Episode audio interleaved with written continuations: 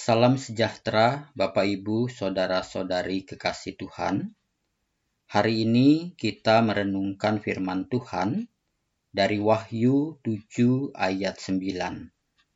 Kemudian daripada itu, aku melihat sesungguhnya suatu kumpulan besar orang banyak yang tidak dapat terhitung banyaknya dari segala bangsa dan suku dan kaum dan bahasa berdiri di hadapan tahta dan di hadapan anak domba, memakai jubah putih dan memegang daun-daun palem di tangan mereka.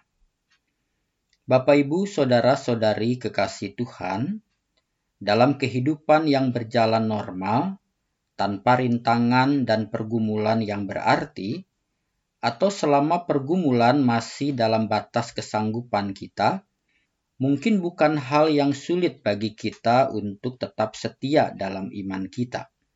Kita akan tetap berdiri teguh dalam iman sebagai pengikut Kristus. Tetapi saudara-saudara, bagaimana sebaliknya? Jika kita mengalami kondisi kehidupan yang berat dengan pergumulan dan penderitaan, kondisi rumah tangga yang bagaikan neraka misalnya, sakit yang tak kunjung sembuh, kehidupan ekonomi yang terpuruk, diperlakukan tidak adil, dikucilkan, dan dianiaya karena iman dan pergumulan lainnya. Masihkah kita akan berdiri teguh sebagai pengikut Kristus?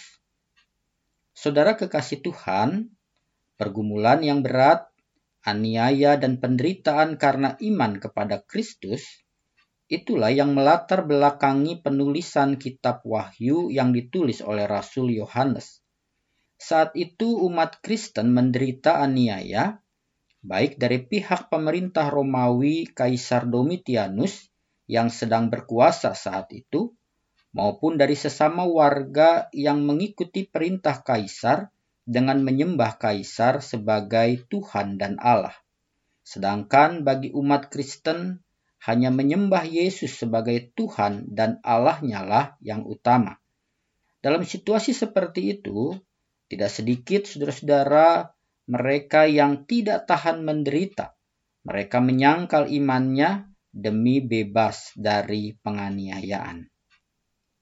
Nas yang kita baca hari ini berupa penglihatan yang Tuhan nyatakan kepada Rasul Yohanes yang berisi penyingkapan apa yang akan terjadi nanti kepada orang-orang Kristen yang setia dalam imannya, sekalipun mereka harus menderita dan mati. Rasul Yohanes menyatakan bahwa ia melihat suatu kumpulan besar orang banyak yang tidak dapat terhitung banyaknya, yang berasal dari segala bangsa. Mereka berdiri di hadapan tahta Allah dan di hadapan Kristus, dengan memakai jubah putih dan memegang daun-daun palem. Kemudian Yohanes mendapat penjelasan bahwa mereka adalah orang-orang yang percaya kepada Kristus yang telah menyucikan dosa mereka dengan darahnya di kayu salib. Dan mereka adalah orang-orang yang menang dalam iman karena mereka setia sampai mati dalam kesusahan besar yang dialaminya.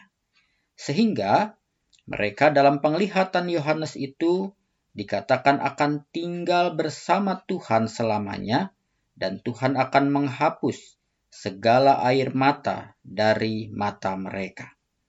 Saudara kekasih Tuhan, firman hari ini mengingatkan kita bahwa bila kita setia mengikut Kristus sampai akhir hayat, walau harus menderita, kita memiliki kepastian akan bersama dengan kumpulan orang banyak itu dan tinggal bersama Tuhan dalam kebahagiaan abadi. Saudara kekasih Tuhan, dalam hidup ini seperti yang dijelaskan pendeta Andreas pada renungan kemarin, kita dapat mengalami penderitaan karena berbagai hal. Kita bisa menderita karena dosa yang kita perbuat jika itu yang terjadi, maka bertobatlah. Bila kita menderita karena perlakuan jahat orang lain atau karena kelalaian hidup orang lain, maka ampunilah mereka, seperti Kristus mengampuni kita. Bila kita menderita karena bencana alam, maka tabahlah dan tetap hidup berpengharapan. Tetapi bila kita menderita karena kita taat sebagai pengikut Kristus, firman hari ini mengingatkan kita, tetaplah setia sampai akhir, karena kita memiliki jaminan keselamatan yang pasti di dalam Kristus, sehingga di dalam iman kepada Kristus, jerih lelah kita tidak akan sia-sia. Kiranya Kristus Sang Firman hidup menerangi hati kita dengan firman-Nya dan Roh Kudus menolong kita taat dan setia sampai akhir sehingga hidup kita berkenan kepada Bapa di sorga. Amin.